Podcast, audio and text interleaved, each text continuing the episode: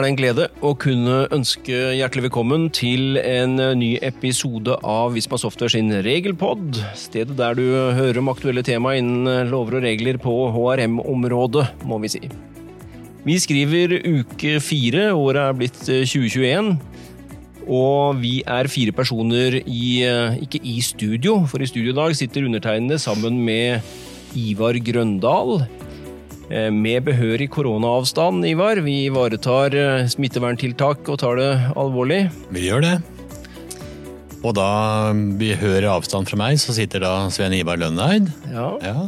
Og enda lenger unna så sitter han eh, Vegard Øvstad, som har det tekniske ansvaret i dag. Film og lys og ja. lyd. Og så har vi to til. Ja, og da snakker vi virkelig avstand. Da er vi først i Fredrikstad. Finner vi Monica, som skal være med og snakke litt til oss etterpå. Og oppe på Toten Hjemmekontor, koronatider, der er Vanja, som også skal være med litt ute i podden her nå. Så smittevernhensyn, det tar vi på alvor. Ja, det er viktig. Eh, vi eh, starter opp med deg, Ivar. Og jeg, hvis jeg starter med statsbudsjettet for 2021 og høsten i fjor, så mm. ble det jo sagt noe der om arbeidsgiveravgift, som da kanskje ikke blei helt sånn som det man sa den gangen. Ja, da gikk vi ut eh, klart med det som var forslaget. Eh, og det var at det skulle ikke være noen endringer når det gjelder arbeidsgiveravgift. Men for eh, alle dere da, som driver med ambulerende virksomhet, og da lurer vel du, Svein Ivar, på ja, hvem er det? Hva, hvem er det hva er ambulerende? Det er jo de tilfellene hvor, hvor, du ikke får registrert virksomhetsnummer. Typisk de som da har hjemmekontor, mm. som, som en fast ordning. da. De som jobber på bygg og anlegg. Eh, det kan være selgere ute i distrikt, det kan være si, innenfor transport, sjåfører osv. som kjører andre steder enn der eh, firmaet er registrert. Eh, så har det jo nå vært sånn siden 2016 at i de tilfellene hvor du kanskje firmaet er registrert i Oslo, sone 1, og så har du ansatte som jobber på anlegg, skal vi si Finnmark, da, sone 0, eller sone 5 mener jeg, med, med 0 mm. så måtte du likevel beregne 14,1% ja.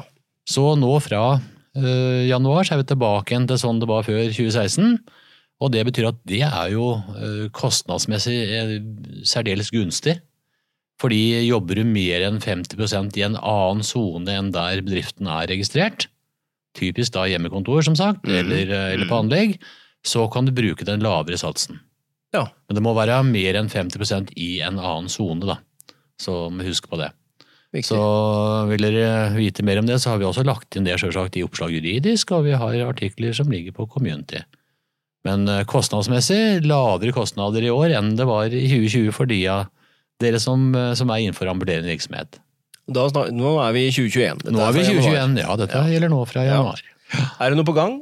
Arbeidsgiveravgift utover dette her? Eh, det veit jo ikke ennå, men eh, alle har jo fått med seg at eh, Stortinget har instruert regjeringa i forhold til hva, hva man skal legge fram som forslag. og Et av punktene der var arbeidsgiveravgift, faktisk. Det har ikke stått om det i media, men vi har jo sett lista. Utsatt betaling av arbeidsgiveravgift i 2021 til 1. juli.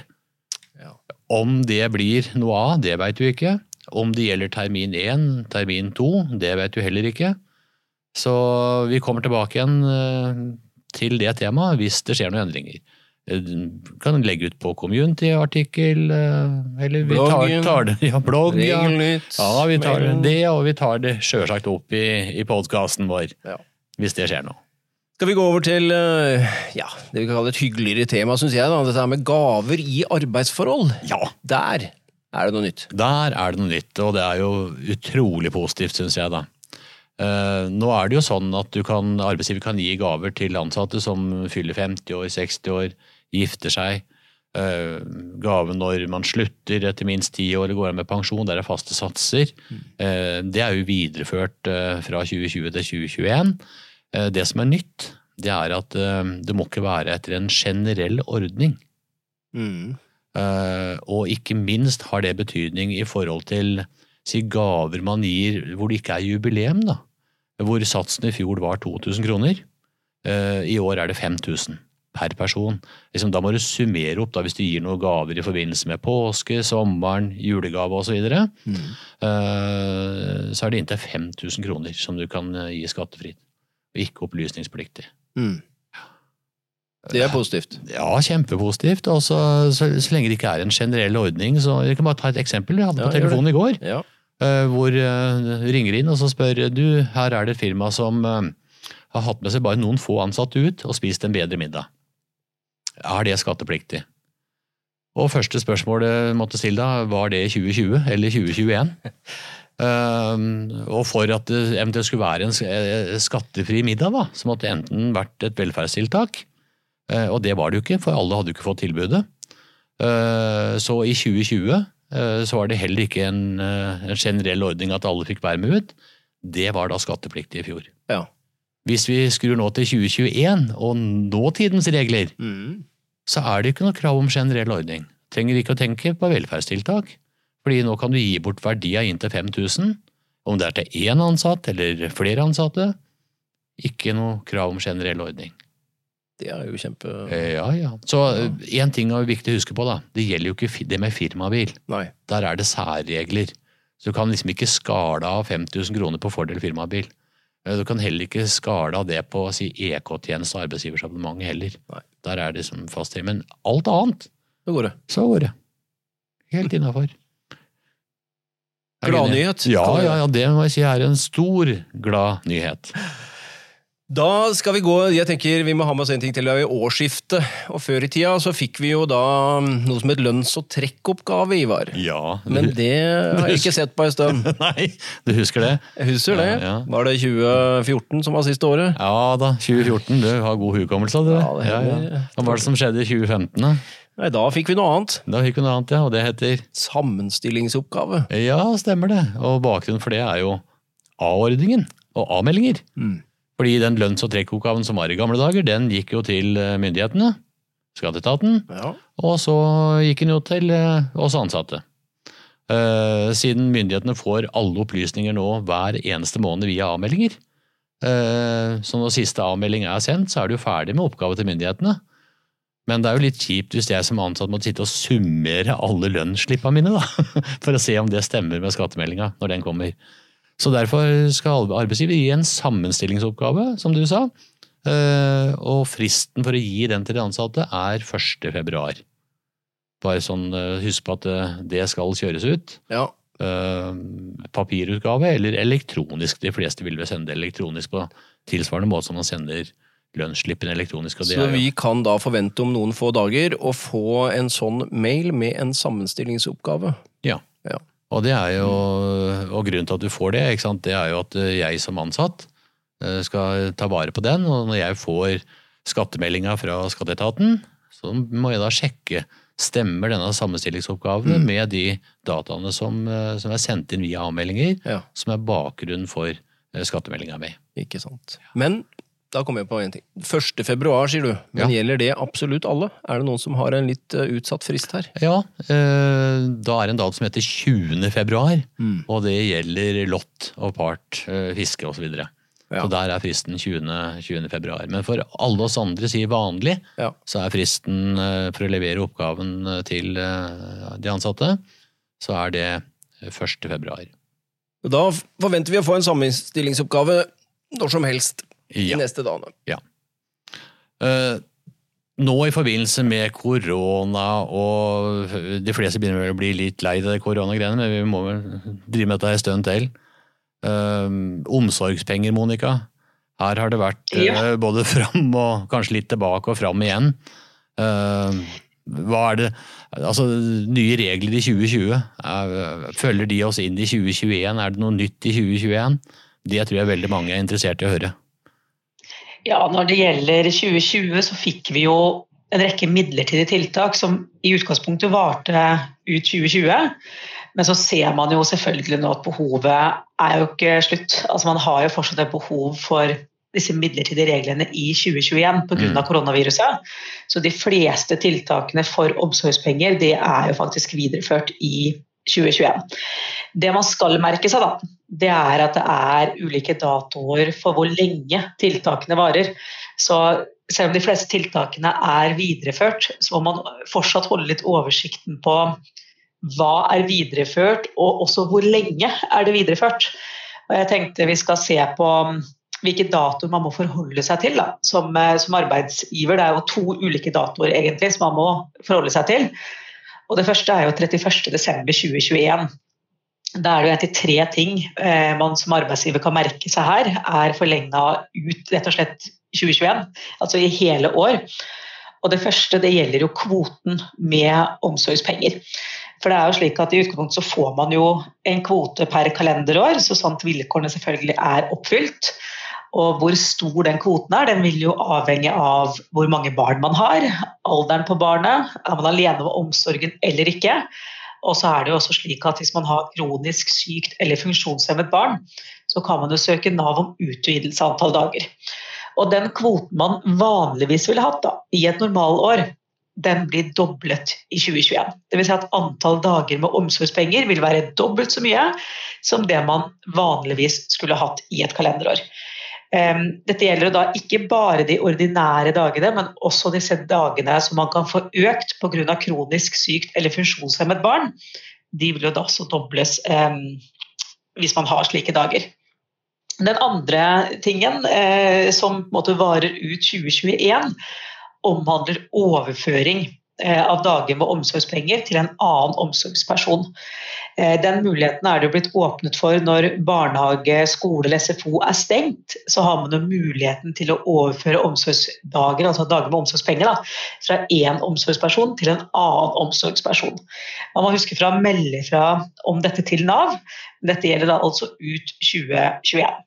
Den siste tingen som de har sagt gjelder ut 2021, omhandler dokumentasjon av fraværet ved sykt barn eller barnepasser. Og Utgangspunktet er jo slik at i loven er det jo lagt opp til at de første tre fraværsdagene kan man bruke egenmelding hvis opptjeningstiden for det er til stede. Men fra og med fjerde kalenderdag så kan jo arbeidsgiver si, i, i normalår eh, kreve legeerklæring på at barn eller barnepasser er syk. Men det man har sagt ut 2021, og dette gjaldt jo også som midlertidig tiltak i 2020, er jo at arbeidsgiver kan ikke kreve legeerklæring fra fjerde dag. Dvs. Si at arbeidstakeren har muligheten til å dokumentere fraværet i hele 2021 med egenmelding. Selvfølgelig så sant man har dager med omsorgspenger igjen, da. Jeg tenker eh, liksom, Disse midlertidige reglene Monica, om at man får dobla antall dager osv. Det er kanskje litt viktig å presisere dette her med at de de, altså de, vanlige, ordinære vilkårene for rett til omsorgspenger de gjelder fortsatt. Så selv om det knytter seg til korona, så er det liksom dette her med at eh, det er til og med det kalenderåret barnet fyller tolv år du har rett til dette her. ikke sant? Ja, altså ja. der er det ikke noen endringer. Endringene ligger på, på, denne doblingen og dette med dokumentasjonen. Og men disse grunnvilkårene de ligger jo fortsatt der. Mm. Eh, så man må jo fortsatt fylle kravene til opptjeningstid. og altså at man, som du sier da, man må jo ha eh, barn innenfor den riktige aldersgrensen her. Man må ha rett til dagene etter loven. Mm. Ja, det ligger i bånn. Men det var noen av tiltakene som ikke varte ut 2021, som hadde litt kortere varighet? Ja, vi har noen som gjelder eh, frem til og med 30.6 også. Eh, at vi får vel si foreløpig, da. For vi har jo sett at det, jo kommet, det kommer jo endringer på disse midlertidige tiltakene underveis sånn jevnt og trutt. Eh, så vi må jo forvente at det kan skje noe. Men i hvert fall på nåværende tidspunkt så er det slik at eh, til og med 30.6.2021 så sier man at man kan bruke omsorgspenger når barnehage, skole eller SFO er stengt. Og så er det jo slik at man har rett på en viss kvote med omsorgspenger. Utgangspunktet er jo når du har brukt opp denne kvoten her, ja da har du ikke flere dager med omsorgspenger igjen, og da må du avtale annen type fri da, hvis du fortsatt har behov for fravær, altså ferie eller permisjon med eller uten lønn, det er jo opp til arbeidsgiver. Eh, avspasering, da trenges det altså har du brukt opp kvoten med omsorgspenger, så har du ikke rett på flere omsorgspenger. Men der er det tiltak eh, nå som, satt, som, gjelder til og med 30.6, som er altså et unntak fra denne hovedregelen. Og da er det i to situasjoner. Det ene det er jo hvis barnehage, skole eller SFO stenges eh, og man ikke har dager med omsorgspenger igjen, så kan man bruke omsorgspenger allikevel. Den andre situasjonen den omhandler eh, i de tilfellene hvor barnehage eller skole er åpnet, men eh, barnet pga. særlig smittevernhensyn ikke kan gå på skole eller barnehage allikevel. og at man derfor må være hjemme med barnet. Og i den situasjonen så man også, har man også rett da, til omsorgspenger, selv om man i utgangspunktet har brukt opp denne kvoten man har. Men det altså foreløpig så varer det til og med 30. juni eh, i år. Mm. Eh, jeg tenker dette her med å bruke opp omsorgsdager, Nå sa du at man dobler kvotene i 2021, så de fleste har vel en ganske god pott der. Men jeg tenker at hvis det blir mye lokale stengninger, og sånn, så er det klart at det, det, er fort å bruke opp dette her. Men tenker, det er jo noen arbeidstakere som har enda flere dager enn de ordinære. Eh, I forhold til dette her med å ha kronisk syke barn, da får man jo liksom noen ekstradager også for det. Er det også innenfor dette her med å doble, eller dobles de også? Ja, altså det er den kvoten man vanligvis ville hatt. og Hvis man har sett samla pott ordinære og eventuelt ekstradager, så er det den totale potten der som man egentlig ganger med to, altså som dobles. Så det gjelder alle dagene. Mm. Uh, litt sånn, vi gutta er litt sånn praktisk eh, tenkende her, vet du. Uh, og da har jeg et spørsmål, Monica. Hvis du nå tenker deg en uh, alenemor eller noe sånt, da, som Eller la oss si man har 20 dager og så har man mm -hmm. fått dytta opp det opp i 40. Da er det doble, ikke sant? Og så har man brukt opp eh, de dagene, og så eh, blir barnehage stengt. Da har fortsatt rett på dager, som du sa. Men ja. må arbeidsgiver betale for alle de dagene her, og er det mulighet for å få refundert noe? Ja, altså I løpet av kalenderåret så har jo arbeidsgiver de må utbetale alle dagene som arbeidstakeren har krav på. Men arbeidsgiver skal på en måte dekke opptil ti dager per arbeidstaker. Eh, så det betyr jo kommer man over ti dager, altså fra og med dag 11, så kan jo arbeidsgiver søke refusjon fra Nav. Og dette gjøres jo da på denne digitale inntektsmeldingen. Um, kanskje også greit å merke seg er at hvis den ansatte kun har omsorgen for barn over tolv år, og har fått ekstra omsorgsdager opp mot en økt aldersgrense fordi barnet har en kronisk sykdom eller funksjonshemming, da har jo arbeidsgiver fortsatt muligheten til å søke refusjon fra dag én. Jeg tenkte kanskje Hvis vi skal nevne dette med refusjon nå også, så er det kanskje greit å merke seg også hvis man har omsorgspenger som ligger i fjor, og omsorgspenger som ligger i år, og man skal søke refusjon både i fjor og i år, da, eh, så må man sende to inntektsmeldinger. Altså Man må da sende én inntektsmelding som gjelder fraværet i 2020, og en ny en som gjelder for fraværet i 2021. Det kan jo være noen arbeidsgivere som er i den type situasjon. Så det betyr at så lenge man har rett til de omsorgsdagene, så skal arbeidsgiver kunne kreve refusjon fra dag 11 uansett? Ja, så her er det også den store hovedregelen at arbeidsgiver da er pliktig til å, å, forskuttere det, og så søker man refusjon i etterkant. Ja.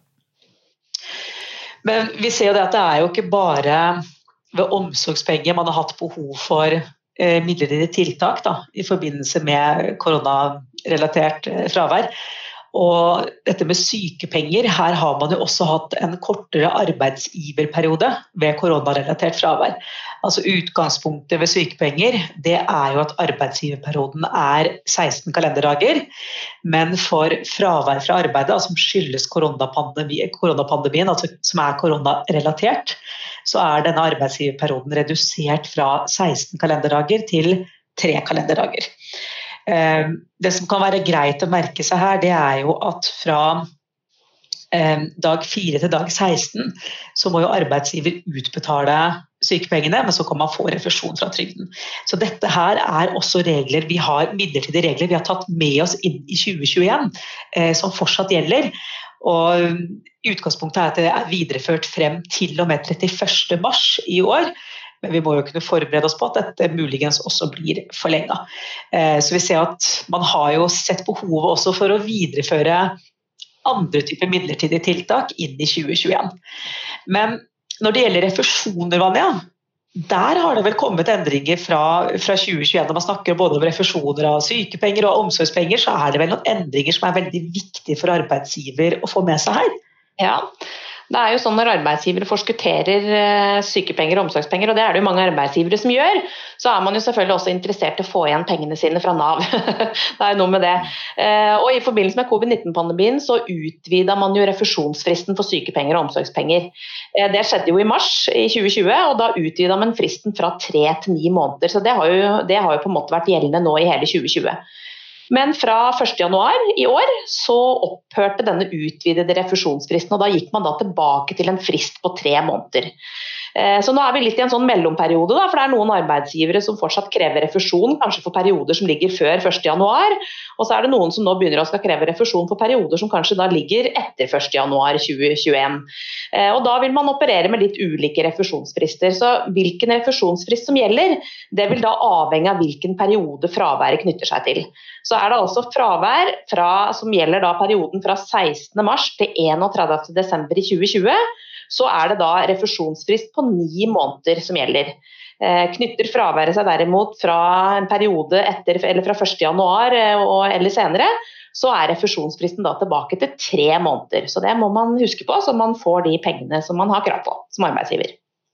Og når du sier tre måneder, eh, Vanja, da snakker vi vel om inneværende måned pluss tre, er det ikke det?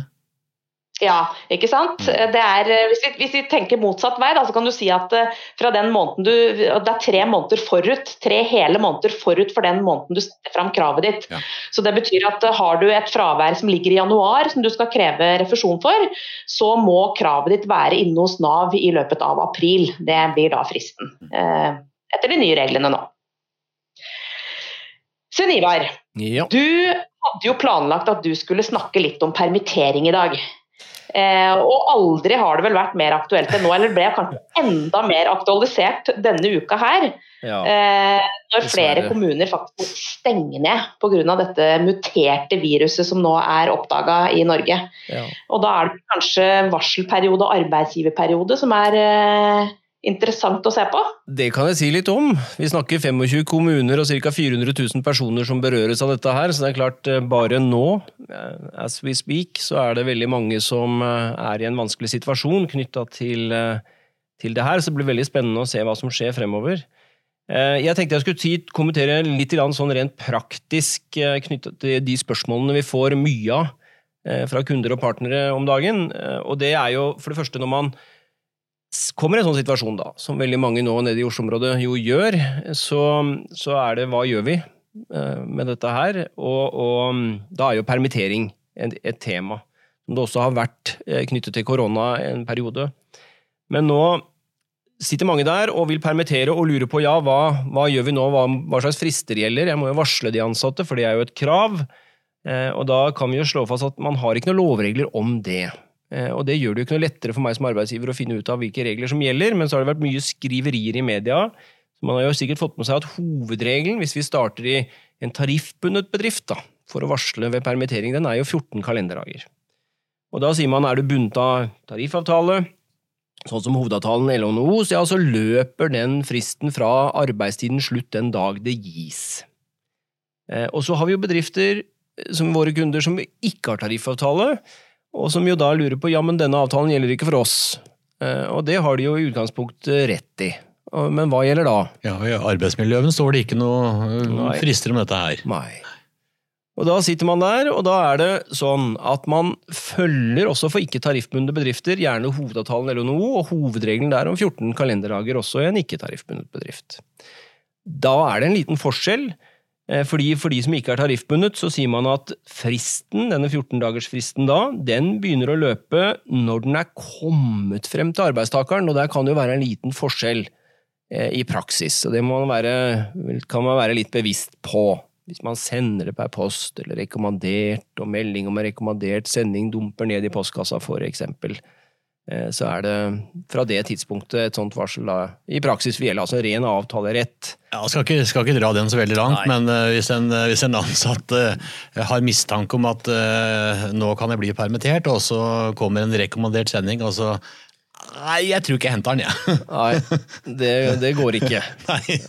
Så man kan få ikke lurt seg unna den varianten sånn sett, da. Men, men jeg tipper det, det, der løser seg i praksis. Ja. Men så er jo spørsmålet må vi virkelig forholde oss til 14 kalenderdager, en situasjon hvor vi blir myndighetspålagt å stenge sånn over natta. Er det riktig og rettferdig? Og da har vi noen særskilte regler for sånne situasjoner, som vi også finner i, med utgangspunkt i hovedavtalen LNO, da, som opererer med en slags todagersfrist i tilfeller hvor man på en måte er i såkalt ved uforutsette hendelser. Og Hovedavtalen LNO viser her til arbeidsmiljølovens regel i 15.3 nummer 10, eh, som jo er en regel om oppsigelsestid, som snakker om situasjoner som ulykker, naturhendelser og nettopp uforutsette hendelser, og at man da skal ha en to dagers frist. Og Hvis vi ser på de virksomheter som direkte er berørt av en sånn nedstengning som mange har opplevd i Oslo-området nå, så er vel partene i arbeidslivet også enige om at her vil todagersfristen gjelde når det skal varsles om permittering. Ja, jeg, jeg tenker uh, altså er, er, det uforutsett nå, siden du har levd med korona snart i et år, er det uforutsett at uh, du nå må stenge butikken om fire timer? Uh, vi er vel enige om at det ligger litt innafor det?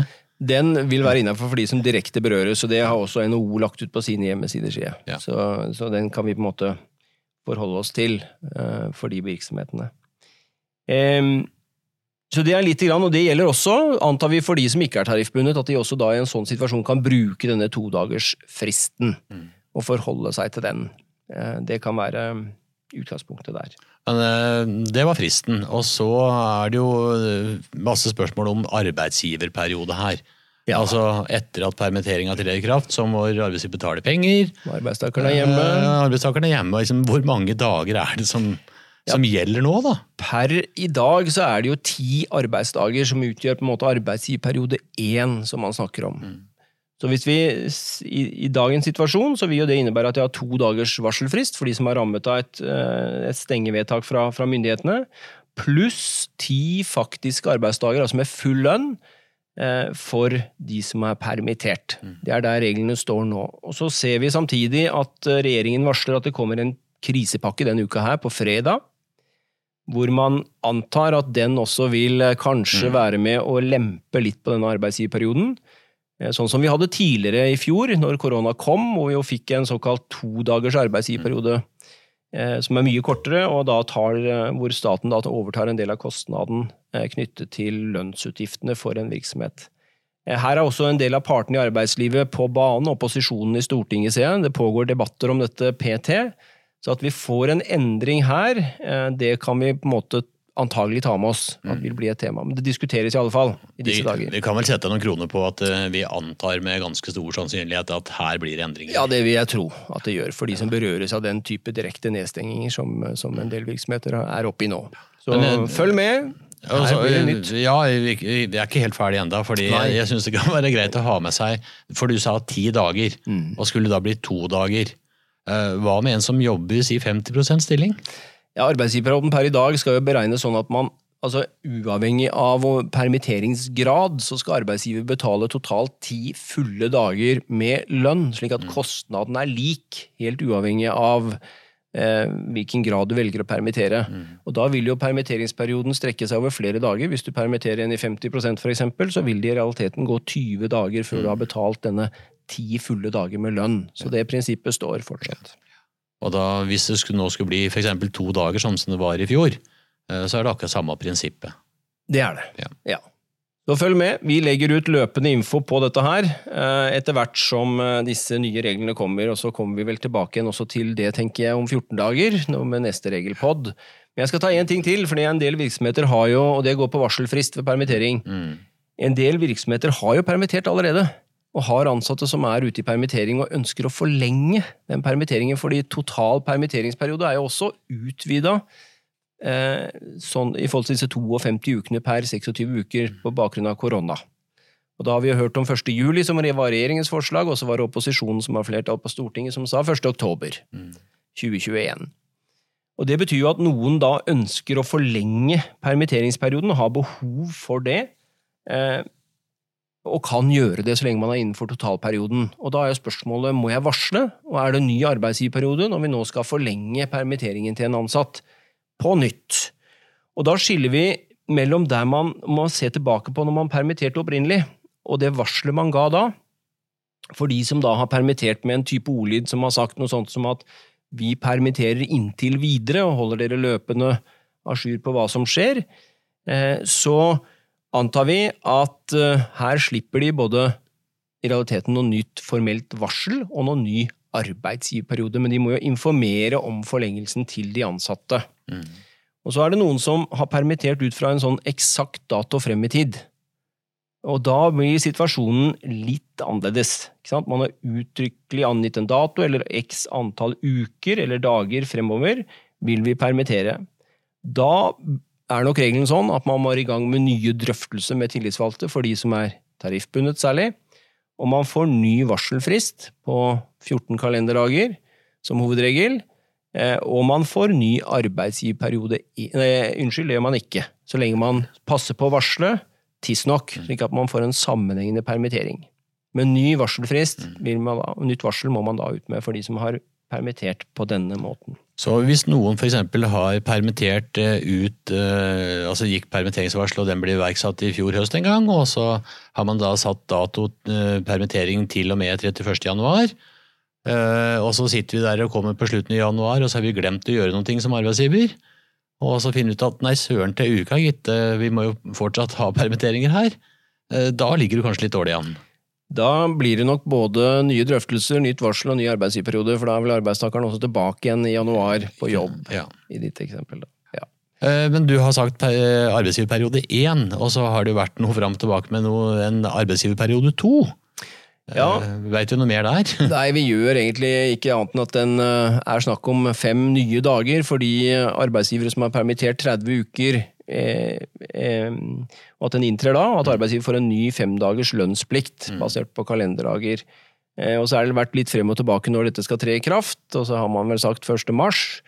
Eh, og så er det opposisjonen igjen som gjerne vil ha skjøvet kanskje ber, bedt regjeringen vurdere å flytte på dette her, uten mm. at man egentlig er i mål på det. Så der får dere holde dere a jour. Vi legger ut løpende info på det både på Community, på bloggen og på dette Regelnytt-biten vår. Det siste der er uh, utgangspunktet fra 1. mars, men så har man bedt regjeringa om å flytte det til 1. juli. Helt riktig. Ja. Vi se. Ja, det Opprinnelig var det 1. januar, så det er ingen som trenger å tenke på det nå. Nei, Nei. ikke per, per i dag. Ja, bra. Så hold, følg med. Her kommer det til å skje ting uh, på permitteringsområdet.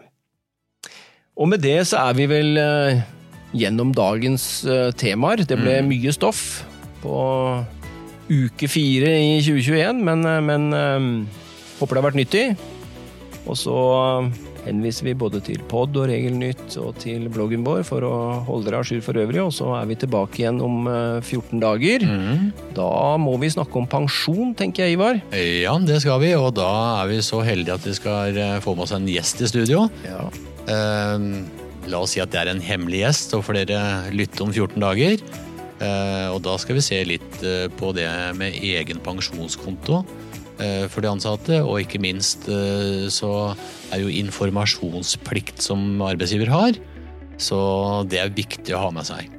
For alle. Vi gleder oss til det. Så om 14 dager så er vi tilbake igjen med det. Da høres vi. Ha en strålende dag videre.